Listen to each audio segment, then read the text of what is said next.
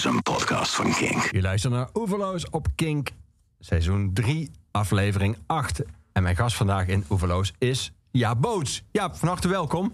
Ja, dankjewel En man. Ik proficiat vind het met- super fijn om hier te zijn. Bamalam, zo heet hij. Geweldige titel is het. Het zijn jouw rockgedichten gebundeld.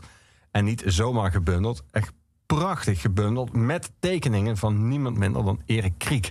Ja. En ook nog in een hele, hele mooie uitvoering. Wat natuurlijk meteen recht doet aan de, aan de kwaliteit. Ook, ook het grafisch gedeelte ervan. Eh, Je hebt echt iets in je handen. Eh, je hebt er lang mee gewacht om ze te bundelen. Maar lijkt me een goede keuze als je denkt hiermee komt. Ik neem aan dat ik tegenover een dolgelukkige man zit.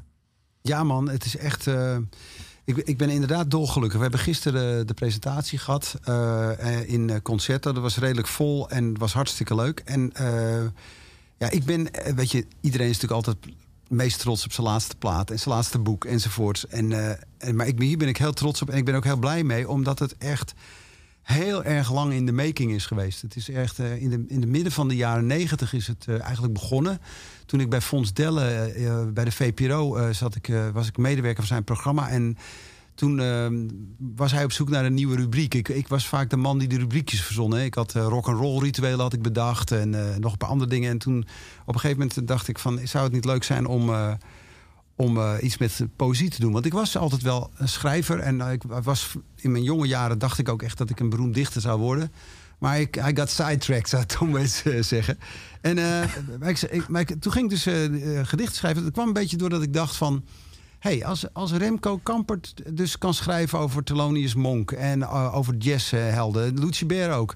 waarom zou ik dan niet kunnen schrijven over popmuziek? Weet je wel? En, en ehm, toen dacht ik, nou, dan ga ik dat bij Fons doen. En had ik elke week had ik een, ehm, een, een gedicht gemaakt. Maar dat was ook de, uit, de tijd dat Pro Tools was uitgevonden. En samen met een technicus die heel erg into Pro Tools was... gingen wij dan die muziekjes aan elkaar prutsen. En dan dus bijvoorbeeld een gedicht met Jerry Lewis... mooie fragmentjes van Jerry Lewis piano... nog een stukje erbij plakken. En dat waren een soort geluidscollages met poëzie.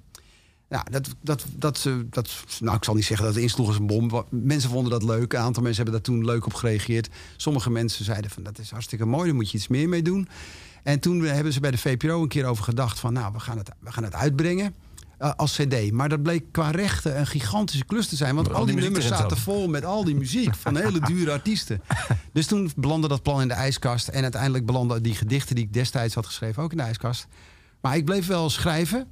En, en elke keer, elke eens in dezelfde jaar kwam die stapel. Ik heb altijd vijf of zes potjes op het vuur. Hè? Of een cd of een boek. Of ik dacht, ja, misschien moeten we daar wat mee doen. Ik ben altijd aan het prutsen. En dan kwam dat stomme stapeltje Bambelam. Want die serie heette ook al Bambelam toen.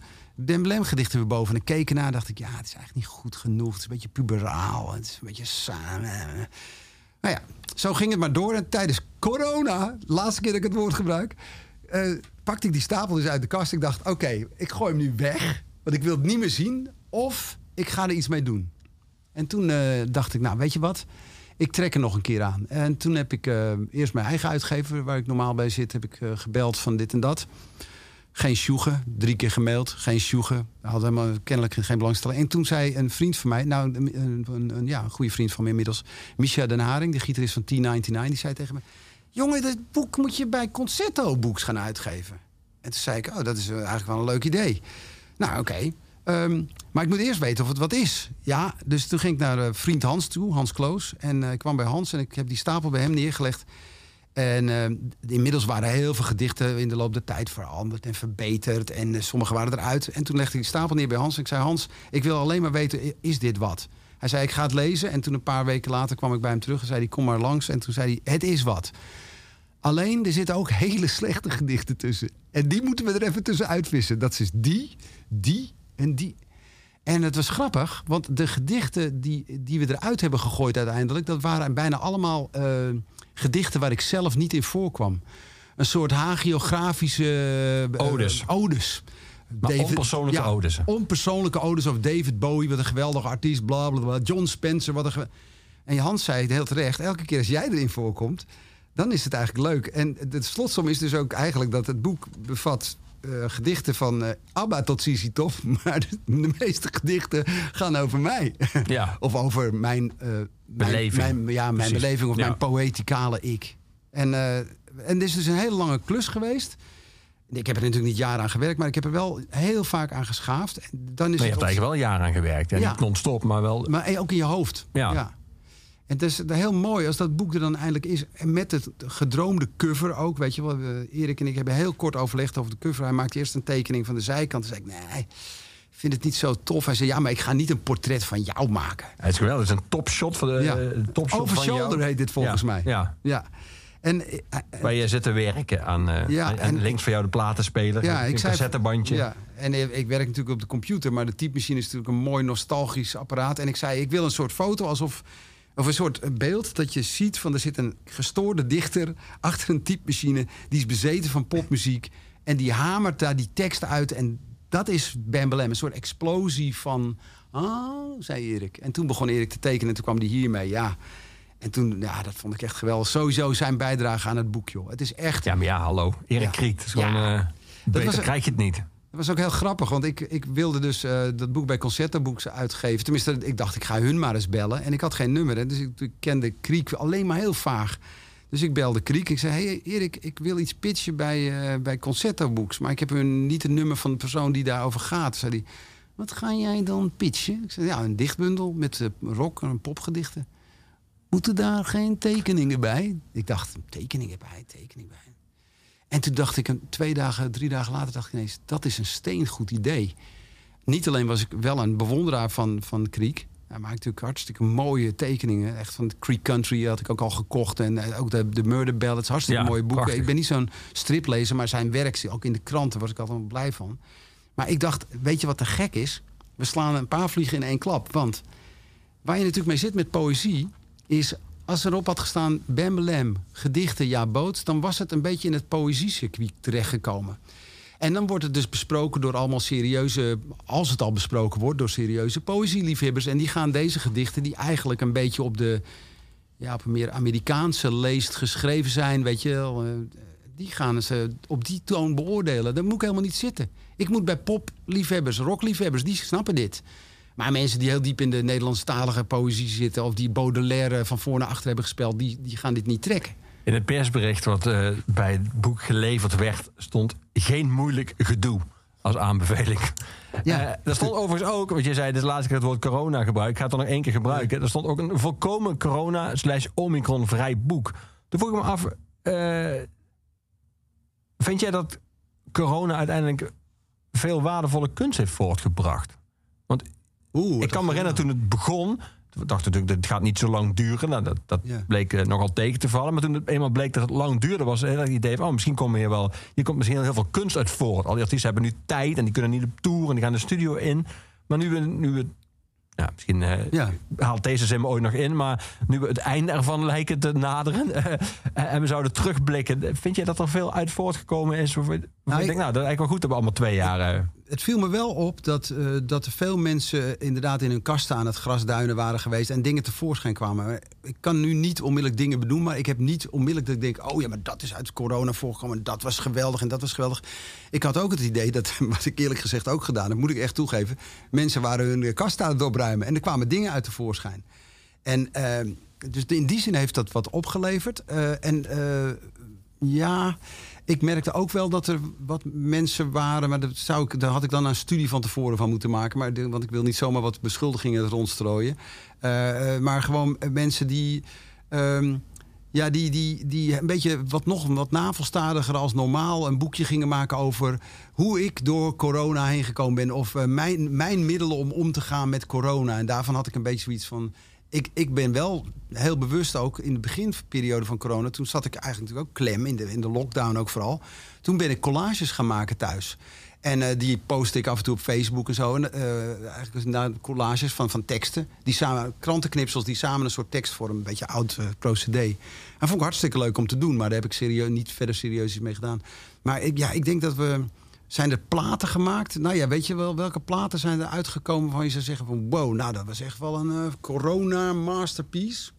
Nou, ik heb het niet eh, voorbij zien komen. We gaan Nee. muziek draaien, Jaap. we ik ga namelijk jouw nieuwe single draaien. En die is Ik ben benieuwd hoe die al- klinkt. Ja, en die is ook eh, getekend, de hoes ervan, door Erik Kriek. ja, Prachtig. John Lee Hooker Stereo. twee. Twee. Ik was nog niet klaar. ik ga hem draaien. Hier is in de studio met. Ja Boot.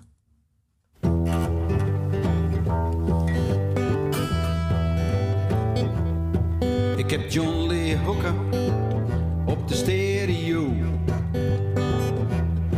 Ik heb John Lee Hooker op de stereo. En als ik dat zing, dan is dat zo. Zijn gitaar zit links, zijn stem zit rechts. Zijn gitaar zit links en zijn stem zit rechts. En die voet op de vloer, die doet de rest. John Lee Hooker, stereo.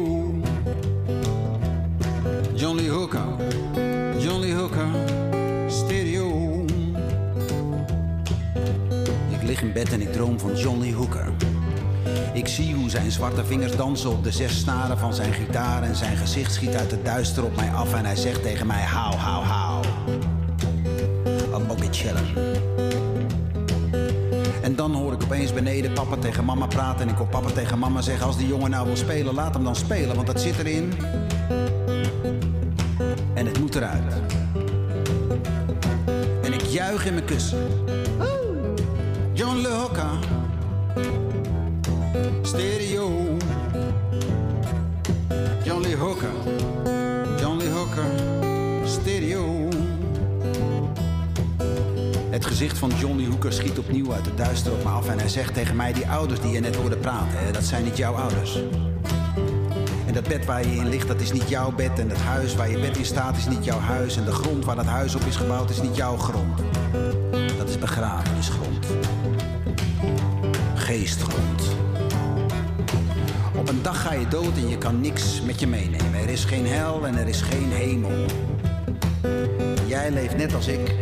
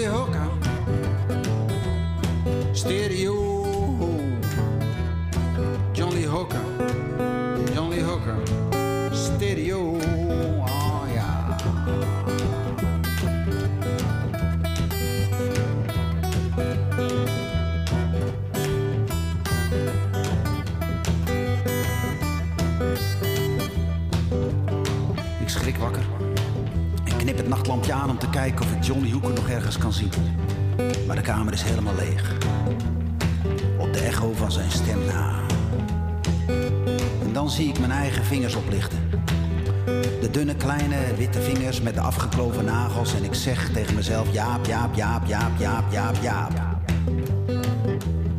Waarom al die angsten? Die neuroses. Heb je niet gehoord wat Johnny Hoeker net tegen je zei in die droom? Hmm. Er is alleen dit.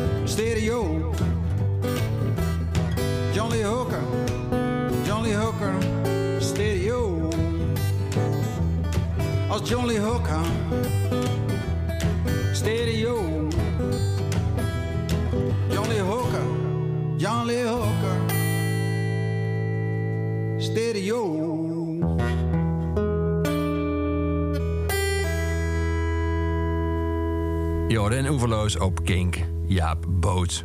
Jaap, hoe klinkt die op de radio? Ja, ik vind hem eigenlijk best wel aardig klinken voor, voor wat toch basically eigenlijk eh, home, eh, homework is, thuisvlijt. Ik heb voor de eerste keer een eh, nummer thuis in mijn eentje opgenomen. Dat ik dacht van ja, zo'n talking blues, dat is eigenlijk gewoon wel leuk als dat een beetje rammelt en niet helemaal denderend is. Dus, en ik had ook voor de eerste keer dat ik echt zelf zeg maar ging produceren. dus eh, tweede solo Als je in zegt, moet je meteen lachen. Dus kennelijk viel dat wel mee. nou ja, ik moest tegen mezelf zeggen van die gitaarsolo daar is, is, is, er, is een beetje raar. Maar die kunnen we als er nog een eentje doorheen spelen, dan wordt het wel wat. En zo, ja, een beetje rommelig gewoon. Dat was eigenlijk heel erg bevredigend. Heb je hem gespeeld op je, op je presentatie van Ben Berlijn? Ja, dat was wel grappig. Want gisteren wilde ik dus dat dit nummer, Johnny Hooker Stereo 2, dat dat, eh, wat, zoals het ook in de dichtbundel voorkomt, eh, dat speelde ik de laatste jaren al live. En ik dacht, nou, dat, dat nummer ken ik uit mijn hoofd, joh. Dat gaat ze altijd goed. En dat is ook altijd, het publiek vindt het altijd geweldig. Want het is een soort talking blues. En je begint te rammen en je zit in een groove. En op een gegeven moment gaan die mensen echt helemaal mee. Dus ik dacht, dat wordt het laatste bijdrage bij de presentatie. We hadden een presentatie van ongeveer een half uur. Ik droeg een paar gedichten voor. Ruud Houweling, die is komen spelen. En eh, nou, nog wat sprekers. En ik dacht, dan ga ik op het einde doe ik Johnny Stereo. En weet je wat ik doe? Dan vraag ik mijn goede vriend Hubert-Jan Hubeek erbij op de saxofoon. Hubert-Jan Hubeek is mijn big man. Weet je wel, je hebt de Clarence Clemens, maar mijn big man is Hubert-Jan Hubeek. Die is ook inderdaad twee koppen groter dan ik. Hij is alleen niet zwart, maar hij speelt ook bariton saxofoon. En eh, die had ik dus gemaild van, kom je, doe je mee? Ja, hij, hij doet altijd mee, vindt hij leuk. Geweldige muzikant. Dus ik zeg, hoeven, moeten we oefenen? Wel, nee, een blues nee, dat hoef ik echt niet te oefenen. Ja. Dus ik stond daar en ik zei eh, tegen het publiek toen we begonnen... ja, eh, we hebben dit niet geoefend, dus we, dit gaat vast helemaal goed komen. Zo kondigde ik het aan. Hier is John Lucas Stereo 2. En we beginnen en ik begin met die riff en die groove. En dat gaat allemaal goed. En ik begin de eerste regels. En toen staat Leon, die staat daar... Of, eh, eh, sorry, Hubert Jan, die staat daar met zijn, sax, met zijn bariton sax. En die begint zo van, vanaf de zijkant naar mij kijkend te blazen op dat ding. En dat komt keihard op mijn rechteroor binnen. En vanaf dat moment was ik de hele tekst kwijt. Die, ik hoorde die sax. hij, hij blies als het ware de woorden uit mijn hoofd gewoon. Het was, het was, hij is zo verwoestende storm, die, die sax. En hij blies helemaal niet hard hoor. En toen, de rest van het nummer was ik eigenlijk bezig om, zoals het nummer, eh, waar het nummer over gaat, terug te komen in het hier en nu. En terug te komen in dit moment. En terug te komen op de plek waarvan ik dacht, waar is die tekst nog gebleven? En het, de- mensen in het publiek hadden niks door, vonden het allemaal geweldig. Maar zelf was ik wel een beetje aan het, aan het eh, zoeken. Dat snap ik. Maar het is, het is leuk, want het is een. eh, ja, het is, een, het is een, een mooi gedicht om jezelf in te verliezen. En eh, ook met spelen, weet je. Het is wel grappig, die, die talking blues en die oude blues. Ik ben er niet zo heel goed in, want ik ben niet zo'n hele goede muzikant eigenlijk. Ik kan wel teksten schrijven en een beetje zingen, maar... Het laatste jaar ben ik wel wat beter geworden. Maar het spelen van die, eh, van die blues grooves, hè, daar gebeurt toch wel iets heel geks mee. Als je, als je dus gewoon acht of negen minuten zo'n groove speelt... dan kom je in een soort trance. En dan lijkt het wel of je in zo'n soort... dat je ook een beetje een soort... ja, hoe zou ik het zeggen? Op, in een ander level komt. Wat ik ook wel eens beleef als ik naar van die Afrikaanse muziek luister. Weet je, van die hypnotiserende Mali, muziek uit Mali en zo. Dat je denkt, wat, joh, maakt mij niet uit dat het negen minuten duurt. Laat maar de hele tijd hetzelfde. Heel gek. En ik denk, ik zat ook wel eens te fantaseren dat die bluesmuzikanten dat misschien ook moeten voelen. En dat ik een klein beetje dat meemaak wat zij voelen als ze in zo'n groove zitten. Ja, ja, ja, ja. En dat, was, dat, dat vind ik er dus heel gaaf aan. Daarom vind ik het ook zo leuk om het te spelen. Want op, als het echt goed gaat, dan hypnotiseer je dus ook het publiek ermee. Die gaan ook allemaal zo. En die luisteren ook naar die tekst. En die denken, zit op een gegeven Dat moment kunnen ook te mensen denken... zien, maar je, je, je knikt nu ritmisch. Ja, ritmisch. Ja. één ritme knik, knik je door, zeg maar. Alsof je in een Ja. groove zit. Ja, dus dat is leuk om te doen. Ja, met het openingsgedicht uh, heb je het over Jerry Lee Lewis. Uh, maar heb je het ook over de magie van radio. Uh, en dan kom je ook terug op alle radiostations waar je naar luisterde. Die, die, die, die werden uitgezonden van Luxemburg tot Londen. Van Hilversum tot Noordzee. En natuurlijk ja. Veronica en Radio Caroline. Ja. Um, dan komt er ook een transistorradiootje komt langs. Die komt later in je bundel. en aan het front komt hij nog een keer langs. Kleine witte transistor. maar wat ik er fascinerend aan vond, is dat jij toen jij Jerry Lee Lewis eerst gehoord op de radio, was je, was je heel erg jong. En dan hoorde jij uh, een tekst over een moord. En je zei toen mama moordenaar op radio. Ja. Dus jouw eerste associatie bij, uh, bij muziek was dus eng. Eng, angst. Nou, Terwijl je een enorme muziekliefde hebt ontwikkeld daarna. Ja, nou, wat ik heel gaaf vind, is dat je dus ontdekt dat de, de radio is een, is een thema, is een motief wat door de hele bundel uh, langskomt. Uh, en het begint inderdaad met het luisteren naar de radio. Nou is het niet zo dat Jerry Lee Lewis was niet mijn eerste kennismaking met popmuziek. Ik had daarvoor al een singeltje van Los Incas gekregen van mijn moeder. En uh, zonder uh, Bridge over Troubled Water erop. Of wat staat er ook alweer onder? Dat was een instrumentale versie. Dus dat was een miskoop van mijn moeder. Maar goed, dat was mijn eerste single. En ik denk dat mijn, de single van Sally Carr in The Middle of the Road... wat ik ook in het boek beschrijf, ja. de, Sole Sole... dat was denk ik mijn tweede single... En, um, maar die Jerry Lewis die heeft toen een enorme indruk op me gemaakt. Omdat het eigenlijk. De, ik was inderdaad onder de dekens, zoals dat je dat destijds deed in de jaren zeventig. Met een oortelefoontje en een wit transistortje. was je de radiostations aan het afschuimen. En als je dan ineens iemand hoort zeggen. Uh, wat zegt hij ook weer? Hello, you good looking thing, you. Now, this is the killer speaking. Dat doet hij aan het begin van Chantilly lezen. En als je dat de eerste keer dat ik dat hoorde, vond ik dat ik dacht, wat is dat voor een enge stem? En later hoorde ik het nummer natuurlijk nog wel een paar keer. En op een gegeven moment ontdekte ik dus dat, ja, dat hij de killer is, omdat hij, hij wordt, dat is zijn bijnaam. Maar het was wel uh, volgens mij voor de eerste keer de ervaring met de donkere kant van de muziek. En eh, ik was inderdaad echt bang. Ik was echt even bang, omdat ik. Uh, ik kan me niet eens goed herinneren of ik wel snapte wat hij zei, hè, maar wel gewoon zo'n stem met zo'n Oh, this is the killer speaking. Um, dat je denkt, oh mijn god, wat is hier aan de hand, weet je wel? En misschien ook in de halfslaap, hè? Dat je half in slaap bent en dat je ineens wakker wordt van zoiets. En ik was ook een, uh, ja, ik was ook wel een beetje uh, gek genoeg. Ik ben opgevoed met uh, twee zusjes, maar ik was ook een eenzame jongen, klein jongetje. En muziek was mijn reddingsboei eigenlijk. Dus die, die, die, die, daar trok ik heel erg naartoe. Maar dit was de eerste kennismaking met die donkere kant van muziek, die, die, die natuurlijk ook altijd is. Ja. ja. Laten we aan het nummer luisteren. Ja, leuk. Uh, luister jij toen. Kijk, naar, luister maar naar het begin, ja. Hello, you good looking thing, you. Yeah. Huh? Now, this is the killer speaking. Do I like what? I sure do like it, baby. Chantilly pretty face, ponytail wiggle in a walk, giggle in a talk. It gonna make that world go round. Ain't nothing in the world like a big-eyed girl that make me act so funny, spend my doggone money. I feel real loose like a long-necked goose, like a what, baby? That's what I like. Huh? But I what? Do I what? Well, I what? Can't never tell, baby. I might, but honey, you knows what I like. Chantilly lace, pretty face, ponytail, hanging down. A in the waffles on the giggle and the talk. They're gonna make the world go round. Ain't nothing in the world like a big-eyed girl to make me act so fun. Spend my doggone money, feel real loose like a long big goose, like a. Oh, baby, that's what I like. Huh? What's that? Pick you up at eight and don't be late. You gotta be joking, woman. I thought you might pick me up at eight and don't be late. It don't make no difference, baby. You know what Jerry likes. Chantilly lace, pretty face, ponytail, hanging down. A wiggle and a walk, giggle and a talk. Oh, it makes nothing in the world like a big-eyed girl. I act so funny, spend my doggone money. I'm feeling real loose like a long neck goose, like a wow, baby, that's what I like.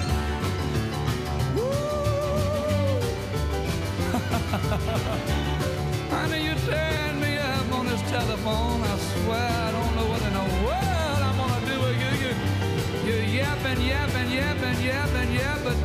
When you break it all down, you know. Chandelier, pretty face, on his bed, hanging down. A wiggle and a vocal on the giggle and the doggy to the nigga, nigga, nigga, to the wiggle ride. Ain't nothing in the world like a big-eyed girl. Make me act so funny. I spend my money. I feel real loose like a long neck loose like a.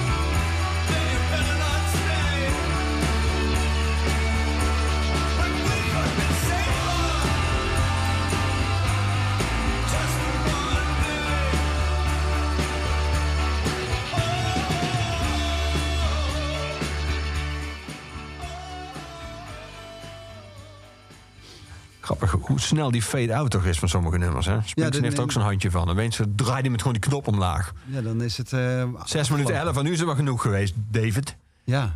Ook over David Bowie heb je uiteraard een gedicht. eh, daarom draai ik hem ook in, Ja. je, in je bundel, net als Bowie. Ja. En dan gaat het, in dat gedicht gaat het over, eh, over de toekomst. Je toekomstbeeld. Je, je gaat de toekomst tegemoet. eh, maar je hebt er eigenlijk eh, geen hoge verwachtingen van. Ja, weet je wat het is? Het is ik kan er iets meer over vertellen. Is dat het heet net als Bowie. Hè? ja, En het- het is een gedicht eh, wat, eh, wat gaat over de tijd dat ik eh, zelf een jonge man was in het begin van de jaren tachtig. En ik zat de hele tijd op het Rembrandtplein in de Schielerbar. Te- voor mijn gevoel. Ik zat er heel vaak. En ik heb daar heel veel geld tegen, heel veel gezopen natuurlijk ook. Maar ik zat daar met allemaal andere jonge mannen van mijn leeftijd. Martin Bril, Frank Starik, Menno Wigman, Joost Zwageman, Jezus, Dirk van Weelde. allemaal- je noemt allemaal mensen die overleden zijn. Juist, allemaal van dat soort figuren. De- En wij, kijk, we waren daar natuurlijk niet elke avond met die mensen. Maar je kon elkaar daar treffen. En iedereen was in die tijd bezig om iets te worden. Martin Bril en Dirk van Weelde die hadden al een boek geschreven. Joost Zwageman ook. En wij wilden... Ik was een aanstormende auteur. Ik dacht, ik word de nieuwe Jan Wolkers, joh. Bekijk het even. En over dat soort dromen gaat dit gedicht, dat, eh, dat net als Bowie. Ja, later kom je op, terug op dat idee van de Ja. toekomst. En Talking Lowlands Blues. Waar je schrijft... eh, de fuik wordt langzaam krapper terwijl we zwemmen naar de dood. Ja. Dat is wel... Daar zit wel wat jaren tussen. Nou ja, Tussen- weet je, het, het, het, het Tussen de opti- ja, en de Schieler en dat Ja, moment. Nou, maar dat jeugdige optimisme van die Schiller-tijd, hè, die, die David Bowie-tijd, we worden allemaal helden. Eh, dat, dat wordt natuurlijk ingehaald. En op een gegeven moment eh, heeft het mij ook letterlijk ook ingehaald dat ik, weet je, ik ben op een gegeven moment, ik heb de tel niet bijgegaan, maar ik denk dat ik tien of elf keer Lowlands heb gedaan als radioverslaggever en discjockey. En dan komt er op een gegeven moment ook een moment dat je denkt, en ik werd ook wat ouder. En ik zag die jonge mensen daar rondlopen. Ik dacht, op een katerige dag dacht ik van, ik heb dit nou al zo vaak meegemaakt. Die strontlucht, die pis, die zwetende mensen overal, die takkenherrie de hele tijd, die fucking hoeveelheden drank die er doorheen te schijnen te moeten, weet je wel. En dat je dus eigenlijk bij jezelf moet constateren van, ja, en misschien is het wel eens tijd om eh, de steven te wenden. Of misschien is, eh, eh, is rock and roll ook een soort van fuik. Alles is een fuik. Hè? Profvoetbal is ook een fuik. En op een gegeven moment realiseer je... Dat realiseer ik me dat met die Talking Lowlands Blues. Ik, eh, ik kan niet meer alles worden. Ik kan geen proefvoetballer meer worden. Ik word waarschijnlijk ook geen beroemde rock and roll ster. Ik kan hooguit een radiodiscjockey blijven. Tot eh, misschien aan het eind van mijn leven. Dat heb ik niet gedaan. Eh, maar er zijn minder mogelijkheden. Al die grote dromen van... ik ga ooit een keer, ik noem maar wat... de, de, de, de Mount Everest beklimmen zonder zuurstof. Dat ga je niet meer doen. dat gebeurt niet meer. En, Nee. en je moet dus tevreden, dan je tevreden stellen met wat je toebedeeld is als het ware.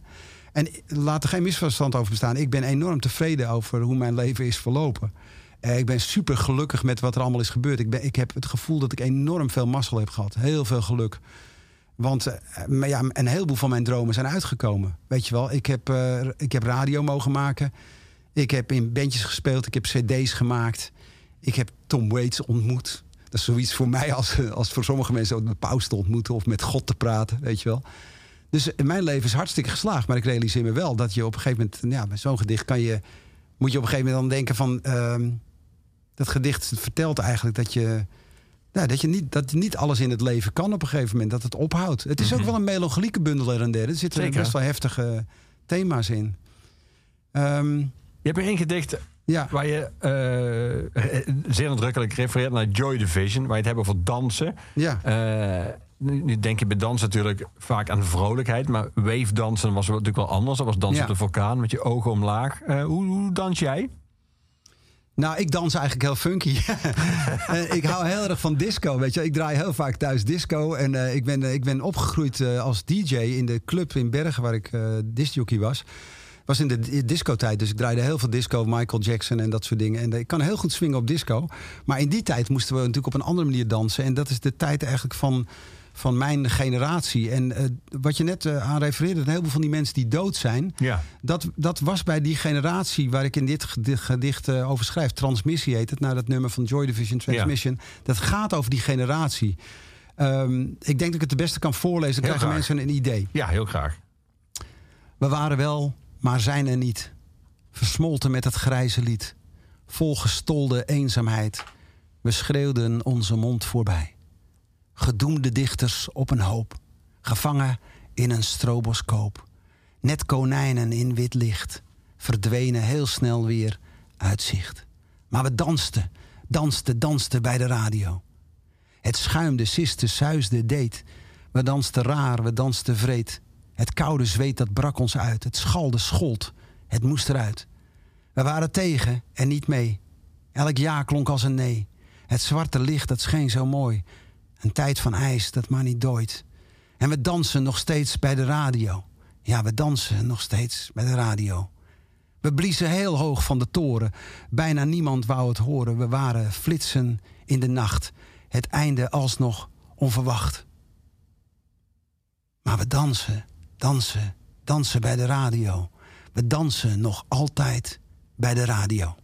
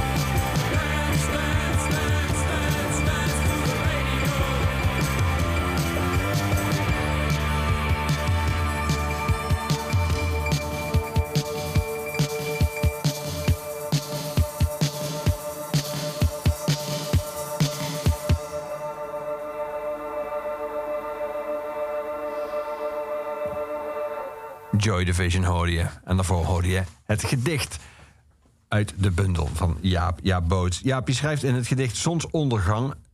Ik werkte voor radio, tv en krant... en heb beschreven de boven, onder en zelfkant van het rokkende leven. Ik heb genoten en gehekeld, bewierookt en geoordeeld... geobserveerd en geregistreerd... en mijn halfbakken gedichtjes gedebiteerd. Programma's volgeluld tot ik mezelf vergat in een waan van bier, kook, ego en patat. Was het zo erg? Nou, kijk, eh, dit, eh, hier moeten we natuurlijk. eh, de- We snijden een interessant onderwerp aan. Kijk, want poëzie is fictie. Dus ah, ik kan van elk gedicht, kan ik bij wijze van spreken, elke regel, kan ik met een potlood zou ik aan kunnen geven. Dit is waar, dit is verzonnen, dit is half waar. En dit is gewoon leuk omdat het rijmt of dat het Ja. goed werkt. Alleen de patat is waar. Eh, nou, nee, eh, ik moet zeggen dat. eh, even kijken, wat is waar? De bier. Ik was geen groot kookfan. Ik ben een, ik ben een slechte drugsgebruiker. Ik word heel snel paranoia. En ik kan ook heel slecht tegen blowen. Ik ben, heel, ik ben een enorme controlfreak. Dus je zult mij nooit een LSD-tabletje zien droppen of zo. Nee, dus dat is. Ik heb een tijdje, ik heb een tijd veel gebloot. maar dat was na mijn echtscheiding. Het beviel me enorm slecht. En toen heb ik nog een keer een soort halve psychose gehad samen met Fons Dellen. Van na het roken van een joint. Dat staat in mijn boek. joint? Eén joint, ja. Staat in het boek van eh, Donderweg beschreven. En Fons Dellen, dat is een hardcore gebruiker, hè? Was een hardcore gebruiker. En zelfs Fons, die vond het heftig. Dus die zei toen tegen mij, belde hij de volgende dag op en zegt... Hoe gaat het met jou? Ik zeg, hoe gaat het met mij? Ik ben helemaal gek geworden. Hij zegt, wat gingen wij hard? Wat gingen wij hard? Wat was er aan de hand? Enzovoort. Nou ja, goed, dus Ja. ja, ja eh, bier heel veel. eh, Patat zeker ook. eh, en ik was natuurlijk ook... Ja, ik had natuurlijk ook wel een ego. Maar dat kreeg je natuurlijk... Dat had ik al. En dat heb ik ook nog steeds. En ik ben ook heel blij met mijn ego. Maar ik heb natuurlijk soms ook wel rondgelopen op die festivals met een air van eh, de, wie denken jullie wel dat je bent? Eh, Want eh, ik heb namelijk een bandje. Dus ik mag aan deze kant van het hek lopen. En jullie, het volk, jullie zitten daar. En dat, als ik me op dat soort gedachten betrapte, dan was ik daar nooit zo heel trots op. Maar dat gebeurt natuurlijk af en toe wel. En eh, dus ja, en ik, ik kijk ook een beetje terug op die tijd van. ehm, ja. Ik heb. eh, ik had heel wat, zoals de volgende regel uit. Ja, ik heb heel wat noten op mijn zang gehad. Weet je, ja. ik, had, ik had best een grote mond. En dat was ook goed, want als discjockey moet je een beetje een grote mond hebben. En als, eh, als verslaggever ook. Ja. Maar het, is niet, is niet per se wie ik de hele tijd ben of zo. Overigens was ja. Toen je net beschreef eh, dat je een bij het festival zoals Lowlands dacht van... de elfde keer en Ja. dingen weet ik nu inmiddels wel. Eh, je zou kunnen zeggen, de grote test of je zonder festivals kan... eh, waren de afgelopen twee jaar. Ja. Waarin we allemaal zonder festivals moesten kunnen, want er waren geen festivals. Ja, makkie. Ik, eh, ik, ben, ik ben eigenlijk sinds, sinds dat ik gestopt ben bij de VPRO op 3FM... heb ik daarna nog een paar jaar voor Radio 6 gewerkt. Met heel veel plezier. was meer soul- en jazzachtige muziek. Ook met Koen Schouten samen. was een hele leuke tijd.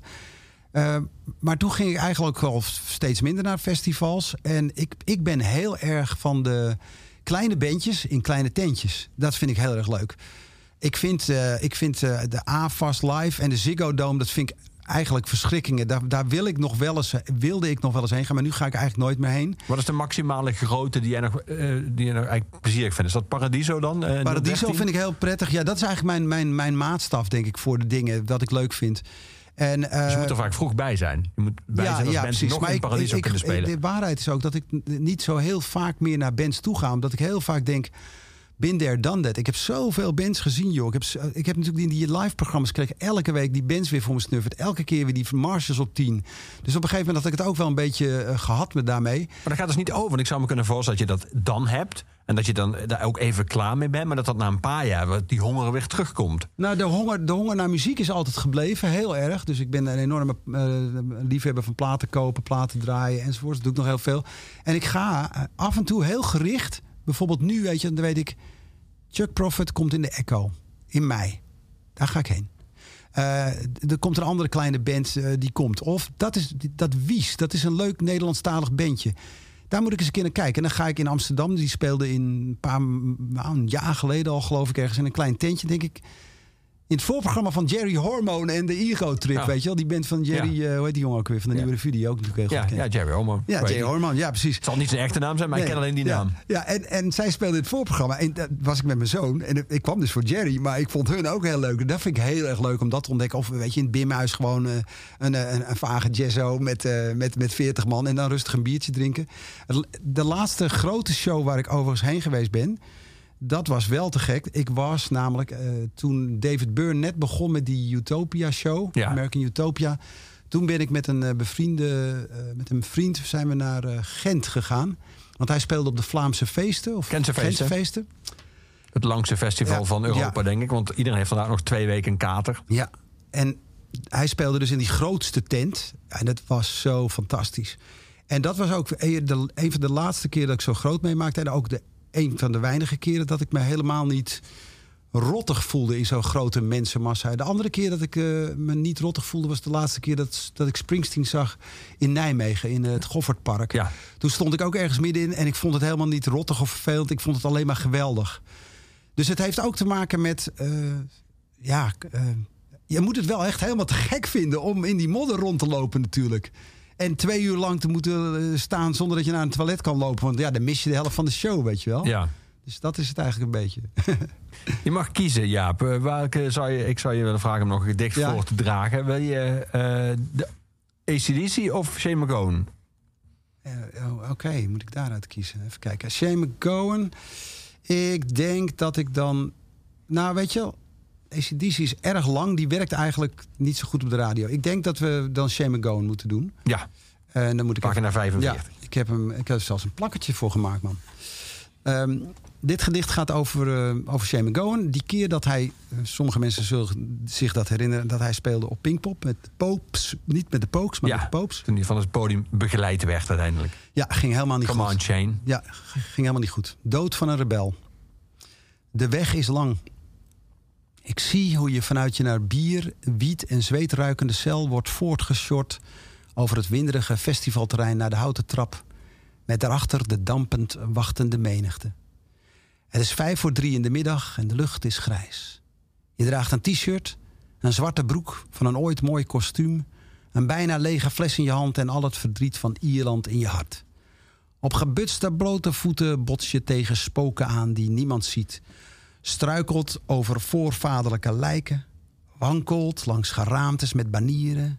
Zombies met standguns. Tromgeroffel. Schoten. Je hoort een paar losse noten. Een oud lied of een nieuw misschien. Je wil weg. Je wil dat dit voorbij is, maar een portofoon kraakt rare woorden. Iemand brengt je je schoenen achterna, die trekken ze je aan. Norse wachters rukken aan je arm en hogerop gaat het. Tot op het schavot. En nu is het één minuut voor drie. Een zwart gordijn opent zich als het voorrang van een duivelse tempel. Licht, gejoel, geklap en fluiten. Je handen trillen, je oren tuiten. Je opent je ogen en daar sta je dan. Met je zonnebril als blinddoek op. Pal voor het volk dat op jouw sterf is afgekomen, net als in je dronken dromen. Drie uur stipt. Geen priester, geen dominee, geen laatste sacramenten. De kerk van het heilige spook is goed genoeg voor jou. Je laatste wens is whisky, maar die is op, dus krijg je bier. Een commandant telt af. One, two, a one, two, three. Bang. Nu ga je dood. Het lied begint en jij moet mee. Het voert vast naar de hemel. Maar waar zijn je woorden? Waar zijn je, zijn je zinnen? Als dit het eind is, waar dan te beginnen? De knal heeft alles weggevaagd. Op handen en voeten zoek je in de opgeblazen pup van je hoofd naar de zin van je lied, maar proeft slechts bloed en ver, versplinterd glas tussen je verrotte tanden. En wij, ik, je publiek, aanschouwen deze rebelse hellevaart. Sommigen huiveren, anderen juichen. Die zwaar versterkte boer, was dat je laatste adem? Nee, nog een nummer. Bloody hell, wat een vertoning. Minutenlang sta je stamelend te sterven. Bevend, met het bierblik schuddend in je hand tot het schuimt over de rand. Je gif, je medicijn, zonder alcohol. Zou jij geen McGowan zijn?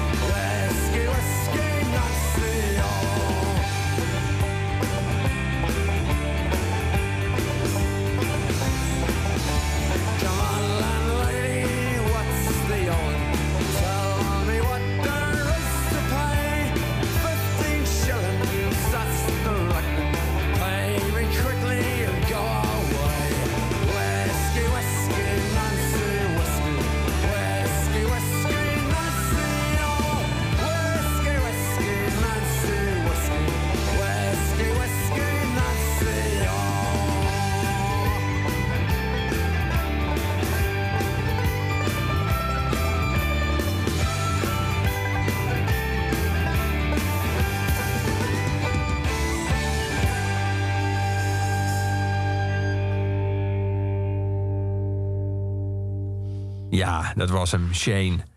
Wel een tragische zin, die laatste uit jouw gedicht. En namelijk, eh, je gif, je medicijn, zonder alcohol zou jij geen McGowan zijn. Ja. Eh, dat is wat ik me sowieso afvroeg toen ik, toen ik alle gedichten in jouw bundel las. Eh, bij sommige artiesten, bijvoorbeeld, je hebt ook een ode aan ACDC. Eh, Ja. De kracht van ACDC is natuurlijk ook al, is Bon Scott er niet meer. En, eh, maar dat ACDC blijft altijd ACDC. Klinkt er als ACDC eruit Ja. als ACDC. Zelfs toen Axl Rose even de zanger was van ACDC, was het nog steeds... dus sommige artiesten is, is hun kracht dat ze eigenlijk helemaal niet veranderen. Terwijl ik, toen ik jouw gedicht las over Henry Rollins... Ik vind zelf dat hij een hele interessante transformatie aan het maken is. Dat was altijd Ja. een en al fysieke kracht. Ja. En was ook zo'n hele vierkante alfaman eigenlijk. Ja. En die is veel, die is ook, eh, zeg maar, heeft ook, zoals hij eigenlijk zijn lichaam heeft afgebouwd. En gewoon nu Ja. een grij- grijze man is hij ook veel minder breed is dan vroeger. Is hij ook veel, heeft veel meer zelfspot gekregen. En Ja. veel, zou je kunnen zeggen, zachter geworden. En eh, hij is ook, hij maakt hele grappige filmpjes. Die Heidi filmpjes van hem op Instagram. Eh, die neemt zichzelf helemaal niet meer serieus. Die heeft een hele interessante transformatie ondergaan. Eh, terwijl sommige artiesten, als jij dan zo'n Shane beschrijft, denk ik ja. Ik zou mezelf ook geen Shane kunnen voorstellen die opeens helemaal clean is met nieuwe tanden. Heeft hij volgens mij wel een keer gehad. Weet maar... je, weet je wie ook een eh, goed voorbeeld daarvan is? Is Mark E. Smith van de Vol. Dat was ook een soort in alcohol gedrenkte legende. Een hele briljante man. Maar op een gegeven moment dacht ik, had ik ook echt letterlijk... want ik heb hem ook een keer in de studio gehad. Jij denkt van, joh, wat moet ik hiermee? Ik vind, los van alle platen die je hebt gemaakt... en wat voor geschiedenis je hebt geschreven in de, in de Engelse popgeschiedenis... maar ik kan er eigenlijk uiteindelijk niet zoveel mee. En, en wat ik wel mooi vind, en dat dus Henry Rollins is een goed voorbeeld, maar ook eh, bijvoorbeeld Nick Cave en zelfs Springsteen in mindere mate. Maar dat zijn mensen die hebben zich altijd blijven ontwikkelen, weet je wel. Ja. Springsteen is, is natuurlijk niet zo heel risicovol gaan opereren, maar die gaat op een gegeven moment toch denken: ik ga een soort Rhinestone Cowboy-achtige plaat maken met viool, vind ik leuk. Ik ga Broadway spelen, vind ik leuk. Eh, en ik vind dat mooi als, als artiesten dat doen. Eh, weet je wel? Dus eh, als ze een, een ontwikkeling doormaken. Maar sommige artiesten, zoals ACDC, moeten helemaal geen ontwikkeling doormaken. Die moeten gewoon knalhard steeds hetzelfde blijven doen. En, en Henry Rollins, je hebt het over het gedicht Henry, Portret van een Rockster. Ja. Dat, is, dat is wel een beschrijving van dat hij vast zat, als het ware, op dat moment. In, die, in dat massieve beeld van zichzelf op dat moment. Dat beschrijf ik in dat gedicht. Ja. Maar hij is later inderdaad, heeft hij. Ik schrijf in het gedicht. Ik dacht aan een gesprek dat ik ooit met hem had gehad op een festivalterrein. Rock and roll verveelt me. Festivals vervelen me. Dit interview verveelt me. Ik wil films maken met El Pacino. En hij ging ook films maken met El Pacino. Ja, en Heat speelt Eh. Ja, en, en dus ja, dat vond ik wel heel leuk. En ik moet ook zeggen, ik vond, ja, eh, als, hij, als, hij, als je een filmpje op YouTube of als hij in een talkshow zit, dat is toch dynamiet. Die man heeft altijd wat te melden. Echt hartstikke leuk. Ik vind zijn spoken word Ja. performance ook echt briljant. Ja. Maar En de- daar, daar ging, daar ging dus veel meer schuil in hem dan alleen die boze punkrocker. Ja. En Dat is eigenlijk heel mooi. Ja. Net zoals er in mij meer schuil gaat dan alleen een snel kwebbelende DJ die Mudhoney eh aankondigt en daarna Nirvana. Zou je één gedicht willen voordragen, ja, uit, uh, uit Bambalam? ja, en wat zullen we doen? Eh, wat mag jij nu kiezen. Mag ik kiezen? Oké, dan moet ik, dan ga ik even. Heb je een lievelingsgedicht? Ja, eigenlijk wel. Ik heb er wel eentje die vind ik wel heel leuk. En die is ook misschien in deze, in deze tijden van, van eh, diversiteit. En eh, hoe gaan we om met de verschillen tussen zwart en wit? Jill Scott. Nee, Nee. wil ik het eigenlijk. Nou, die zou ook wel goed zijn. Ik doe ze allebei, joh. Ik, doe- nee, ik doe, Doe eens ik, gek. Ik doe eens oeverloos, je mag het allebei. Ja, ik, doe, nee, ik begin dan met Black Betty, oké? Ja. Dat is ook, daar komt de titel natuurlijk vandaan. Wow, Black Betty, Bam Balam. Die middag belandde ik in Clarksdale, Mississippi. Slenterde rond in het verlaten centrum en eindigde in de Ground Zero Blues Club. Buiten miezerde een vieze warme regen. Binnen speelden witte mannen de blues voor anderhalve man en een paardenkop. De whisky was duur, de sfeer rond het nulpunt, de hamburgers beneden alle pijl. Op de gore toiletdeur schreef ik Can Blue Man Sing the Whites en wankelde naar buiten. Op de parkeerplaats reden twee leuke zwarte vrouwen in een grote auto stapvoets voorbij. Ik stak mijn vuist op, toffe witte neger die ik was. Het raampje zoefde naar beneden. Hip-hop op de radio. Hey, honey, what you doing? Uh, nothing much. Why don't you come with us? Ik was dronken. Het was een droom. Dus ik stapte in. De ene heette Lucille, die achter het stuur heette Betty. Ik zei... Wow, Black Betty, bam balam. Betty keek me via de achteruitkijkspiegel strak aan. Careful, honey, or I'm gonna show you some Black Betty you will never forget. Toen gaf ze weer gas. Lucille lachte en zette de radio harder. Tegen de avond stopten we aan de rand van een stoffig veld bij een houten keet met kermislampjes aan de verzakte gevel. Er klonk een vaag gebonk. Welcome to Po Monkeys. Binnen rook het naar bier, sigaretten, hamburgers en zwart zweet. Ik voelde me meteen op mijn gemak. De DJ draaide soul, alle vrouwen waren groot, zwart en gezellig. En de mannen proosten zo hard dat ik dacht dat mijn bierfles uit elkaar zou spatten. Ik danste eerst met Lucille en toen met haar zus... en toen met de vriendin van haar zus en tenslotte met Betty. Mijn Black Betty, bam, balam, we bewogen steeds dichter tegen elkaar aan. Why don't we go outside? fluisterde ik in haar oor. You want to go outside? I'll show you some outside, but you gotta pay me first and you gotta pay me good. Achter de kate deden we in de auto een poging tot seks. Het werd helemaal niks. Yo, skinny white boy, is that all you got? De condoom vloog ongebruikt het raampje uit. Toen rookten we samen een joint. Ik keek uit over de donkere velden, luisterde naar de beat die uit Po Monkeys beukte en zag het ineens helemaal voor me. Weet je, zei ik, sinds deze reis door het zuiden ben ik zwarte mensen steeds beter gaan begrijpen. Betty keek me schamper aan. Nee, echt. Ik ben in Rolling Fork geweest en ik heb op de versleten houten traptreden gezeten van de keet waar Muddy Waters geboren is. Muddy who? En in Greenwood liep ik op Money Road en ik heb daar het graf van Robert Johnson gezien. Money Road, what you talking about, boy? Ik heb katoenvelden gezien en gevoeld hoe moeilijk het is om katoen te plukken. Ik bedoel, dat spul komt er echt niet zo makkelijk vanaf voor, Betty. Nee, ik snap nu veel beter waar de blues vandaan komt. Betty keek strak voor zich uit, blies een laatste wolk rook uit, gooide de peuk uit het raampje en wendde zich toen tot mij met bloeddoorlopen ogen. Honey, you don't know shit. Now get out of my car before I whip your ass. Oh, Black Betty, bam ba lam. Oh, Black Betty, bam ba lam. Black Betty, Black Betty, bam ba lam. Black Betty, Black Betty, bam ba lam. Jump steady, Black Betty, bam ba lam. Jump steady, Black Betty, bam ba lam. Oh, Black Betty, bam ba lam. Oh, Black Betty, bam ba lam. Looky on a Black Betty, bam ba lam. Looky on a Black Betty, bam ba lam. Turn around, Black Betty, bam ba lam. Jump down, Black Betty, bam ba lam. Oh, Black Betty, bam ba lam. Oh, Black Betty, bam ba lam. Black Betty had a baby, bam ba lam. Black Betty had a baby, bam ba lam. Little thing went crazy, bam ba lam. Little thing went crazy, bam ba lam. Oh, Black Betty, bam ba lam. Oh, Black Betty, bam ba lam. Jump steady, Black Betty, bam ba lam. Jump steady, Black Betty, bam ba lam. Look at yonder Black Betty, bam ba lam. Look at yonder Black Betty, bam ba lam. Oh, Black Betty, bam ba lam. Oh, Black Betty, bam ba lam. Little thing went blind, bam ba lam. A little thing went blind, bam ba lam. I said it wasn't none of mine, bam ba lam. They said it wasn't none of mine, bam ba lam. What about it, Black Betty, bam ba lam? What about it, Black Betty, bam ba lam? Oh, Black Betty, bam ba lam. Oh, Black Betty, bam ba lam. Look at yonder Black Betty, bam ba lam. Jump steady, Black Betty, bam ba lam. Run yonder Black Betty, bam ba lam. Turn around, Black Betty, bam ba lam. Hey, Black Betty, bam ba lam. Hey, Black Betty, bam ba lam. Look yonder Black Betty, bam ba lam. Run around, Black Betty, bam ba lam. Jump down, Black Betty, bam ba lam. Turn around, Black Betty, bam ba lam. Hey, Black Betty, bam ba lam. Hey, Black Betty, bam ba lam. In de auto met Gil Scott Heron. In de auto met Gil Scott Heron. Weer een mislukt optreden. Een lange rit door de nacht naar huis. Gelukkig heb ik Gil Scott Heron op de stereo. Het is alsof hij naast me zit op de passagiersstoel. Hoe ben jij eigenlijk begonnen? Vraag ik. Nou, begint Gil. Ik was die jonge zwarte dichter, weet je wel, die met die grote mond. Geen draaitafels, geen microfoon, geen soundsystem, alleen mijn stem. Twee conga-spelers en een paar gedichten die ik wilde opnemen. Die man van het platenlabel had nog met Coltrane en Kerouac gewerkt, dus ik dacht dat zit wel goed. Nee, ik werd niet gesponsord door Nike, Coca-Cola, Adidas of Reebok. Ik droeg geen petjes, hoodies of gouden kettingen. Ik zwaaide niet met pistolen. Ik reed niet in een dikke patserbak. Ik had geen eigen kledinglijn. Ik was niet bezig to get rich or die trying. Ik was niet gangster. No man, no way.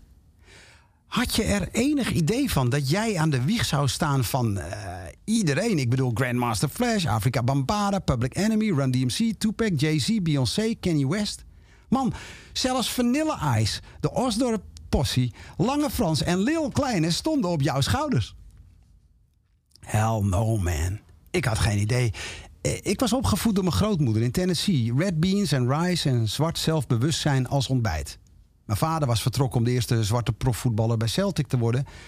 Toen heb ik eerst alle boeken in de universiteitsbibliotheek verslonden... en daarna vroeg ik aan de rector om een sabbatical om een roman te kunnen schrijven... en dat deed ik. Ik was wel man, maar geen macho. Ik was wel brother, maar geen bro. Ik had vriendinnen, maar geen hoes. Ik hield gewoon van poëzie en van muziek. Ik wilde zeggen wat ik dacht. Ik wilde overlevingspakketten op vinyl maken en duidelijke taal spreken voor mijn mensen. Ik had niet door dat dat een revolutie was. Ik was niet bezig met geld, maar met identiteit, taal, jazz. Met de gemeenschap waar ik deel van uitmaakte. Daarom schreef ik No Knock, The Bottle en Whitey on the Moon. Dus nee, mijn revolutie kwam inderdaad niet op de televisie. Die voltrok zich in stilte van 125th en Lennox tot aan Johannesburg. En nu bij jou in de auto, man. Interessant, Jill. Vind je dat die revolutie daarna, zoals elke revolutie, door haar eigen kinderen is opgegeten? En, en, en wat vind je eigenlijk van spoken word? Gil slaat met zijn handen op zijn dijen.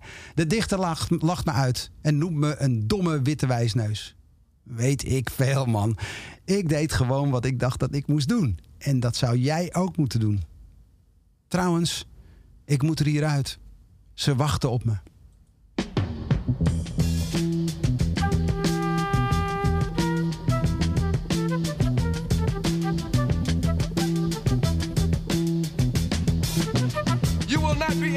Stay home, brother. You will not be able to plug in, turn on, and cop out. You will not be able to lose yourself on Skag and skip out for beer during commercials because the revolution will not be televised. The revolution will not be televised. The revolution will not be brought to you by Xerox in four parts without commercial interruptions. The revolution will not show you pictures of Nixon blowing a bugle and leading a charge by John Mitchell, General Abrams, and Spyro Agnew to eat hog maws confiscated from a Harlem sanctuary. The revolution will not be televised. The revolution will not be brought to you by the Schaefer Award Theater and will not star Natalie Woods and Steve McQueen or Bullwinkle and Julia. Revolution will not give your mouth sex appeal. The revolution will not get rid of the nubs. The revolution will not make you look five pounds thinner because the revolution will not be televised, brother. There will be no pictures of you and Willie Mae pushing that shopping cart down the block on the dead run or trying to slide that color TV into a stolen ambulance. NBC will not be able to predict the winner at 8.32 on report from 29 districts. The revolution will not be televised. There will be no pictures of pigs shooting down brothers on the instant replay. There will be no pictures of pigs shooting down brothers on the instant replay. There will be no pictures of Whitney Young being run out of Harlem on a rail with a brand new process. There will be no slow motion or still life of Roy Wilkins strolling through Watts in a red, black, and green liberation jumpsuit that he has been saving for just the proper occasion. Beverly Hillbillies, and Hooterville Junction will no longer be so damn relevant, and women will not care if Dick finally got down with Jane on Search for Tomorrow, because black people will be in the street looking for a brighter day. The revolution will not be televised.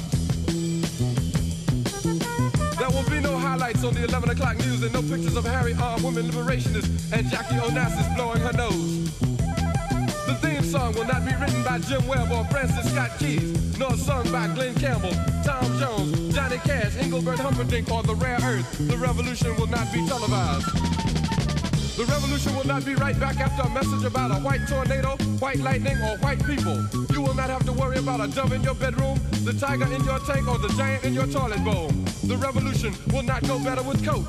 The revolution will not fight germs that may cause bad breath. The revolution will put you in the driver's seat. The revolution will not be televised, will not be televised, will not be televised, will not be televised. The revolution will be no rerun, brothers. The revolution will be live.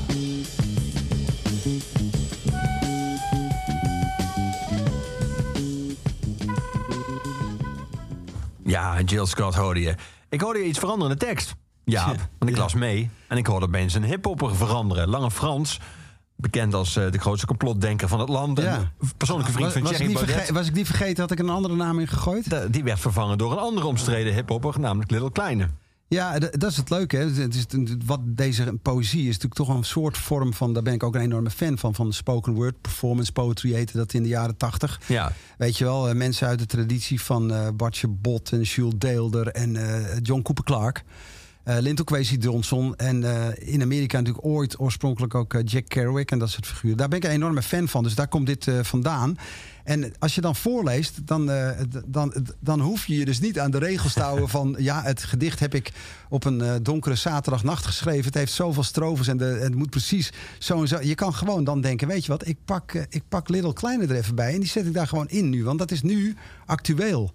Eh, weet je wel, dat is, ook- dat is de kracht van die spoken word traditie, vind ik eigenlijk. Dat je het bijna kunt aanpassen aan je publiek. ja. En ook op de lachers kunt spelen en zo. Ja, en ik had hem ingegooid omdat eh, ja, ook Little Kleine stond op de schouders, staat op de schouders van Gil Scott Heron. En, en, en, en Gil die zal zich ongetwijfeld, hij is dood inmiddels. Hij zal zich ongetwijfeld op zijn hoofd hebben gekrapt, denk ik, als hij heeft gezien waar die, die, die hip-hop revolutie, waar hij dus één voor één, hij was niet de enige hoor, maar waar hij wel een belangrijke figuur is geweest. Wat daarmee gebeurd is. En, en, en dat probeer ik in dit gedicht een beetje te beschrijven. Ja. Zo van, eh, joh, wat. En ik wil hem eigenlijk een beetje in de hoek lullen. Jill, Gil in de hoek lullen van, eh, ja, jij vindt dat vast allemaal hele slechte hip-hop en zo. En eh, dit en dat. En hij, hij zegt dan wel, ik was, ik was eh, wel brother, maar geen bro. En ik had vriendinnen, geen host, zoals veel hip-hop nu zich voorstaan en, en dingen, dat soort dingen zeggen. Maar tegelijkertijd wil hij die mensen ook niet afvallen. En hij, ze- hij zegt tegen mij letterlijk, en dat was ook een soort raadgeving aan mij. Dit is een oud gedicht al. Hij zegt tegen mij: van, Jij moet gewoon wat jij, doen wat jij moet doen. En ik deed wat ik moet doen. En Lil Kleine doet wat hij moet doen, kennelijk. Goed of slecht, en dat moet hij kennelijk doen. En ik vond dat een hele goede, een goede raad van Gil toen eh, in de auto. Toen ik dat hoorde. Ik hoorde dat bijna. Ik dacht van. Ik moet gewoon wel met die gedichten aan de gang gaan. Ik ben wel een artiest. Ik hoef niet me tevreden te stellen met van... ik was ooit een leuke discjockey... en ik heb een paar platen gemaakt die niet zo goed verkochten. Eh, ik, ik mag mezelf geen dichter noemen. Ik mag mezelf best een dichter noemen. Kom op, geen gelul. Dus dat was een één deel van het verhaal. En het andere deel van het verhaal is dat ik zelf eh, best wel moeite heb met wat er af en toe in de hip-hop gebeurt.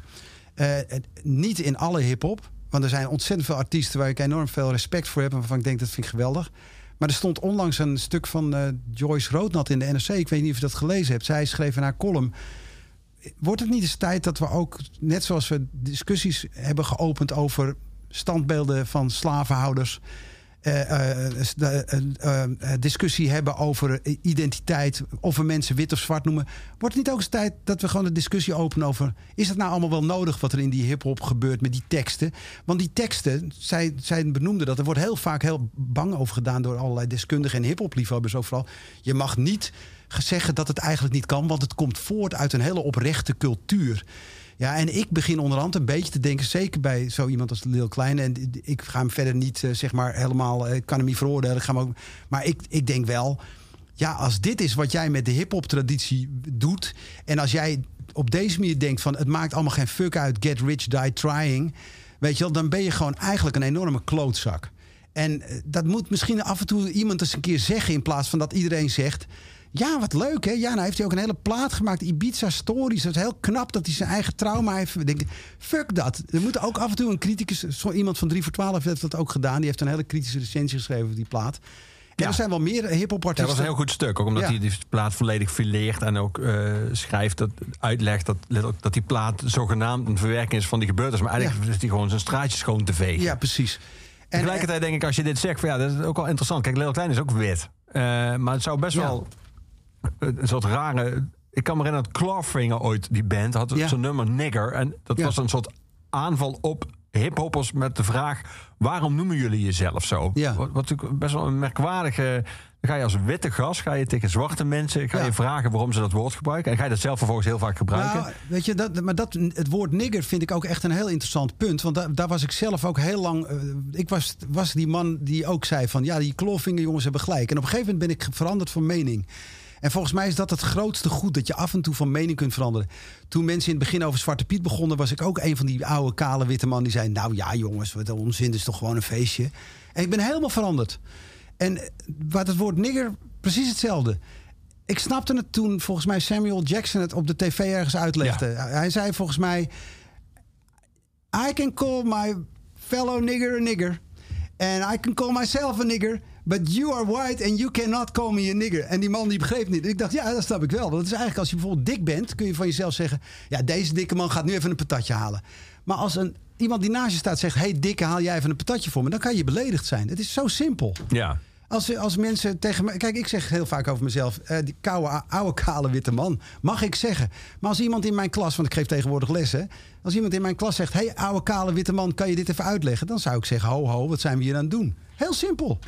Duidelijk. Ja, het was overigens, credits, credits toekomt, eh eh, Timo, Timo Pizaert, die ook Oh ja, 3 voor Timo 12 die, eh, Pisa. Ja, die dat was een goed stuk. Ja. kritische recensie schreef van eh Little Klein. En dat was nog voordat hij eh, in het zicht van de camera nog een keer vriendin. aan elkaar Ja, en het is ook. Het, het, leek wel op een Ja, gegeven Timo, moment. hè, maar Little Kleine. Ja, nee, het leek op een gegeven moment ook wel dat, dat er mensen in de hip-hop-kringen eh, eh, eh, het, het eigenlijk ook niet durfden te bespreken. Of dachten van ja, nee, want dan krijgen we namelijk, dan worden we namelijk gelijk gediscrimineerd. Dan worden alle zwarte rappers over één kam geschoren. En daar gaat het helemaal niet om. Het gaat erom van, dat je af en toe gewoon zegt van oké, is het nou handig om vrouwen in videoclips continu af te beelden als eh, op seks beluste eh, dien- dienstbare dames.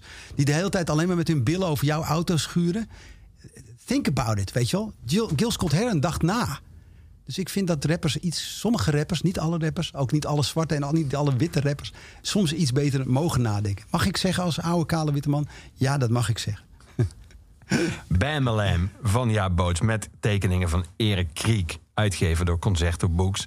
Dankjewel dat je er was vandaag, eh, Jaap en Oeverloos. We sluiten eigenlijk af met nog één nummer van Gorky. Want het laatste nummer is altijd altijd van onze Gorky, kostuumhuisdichter Luc de Vos. Maar nummer daarvoor mag jij kiezen. Je hebt een hele mooie, er staat een hele mooie op, op Spotify onder meer eh, lijst met alle nummers eh, die, waar in Bamalam wordt naar gerefereerd. Ja. Welke die we nog niet gedraaid hebben, zou je graag willen horen? Nou, weet je wat? Eh, ik, ik, we hebben het gedicht niet voorgedragen over ACDC. Ja, Maar eh, eh, het gedicht heet Cultuur. En dat gaat er eigenlijk over dat ACDC... dat is een belangrijk standpunt wat ik hier inneem... dat is ook cultuur. Heel erg zelfs. Net zo belangrijk als Rembrandt. Waar zouden we zijn zonder ACDC? Dan was dit echt een kutleven, hoor. Echt waar. Dus ACDC, wat mij betreft.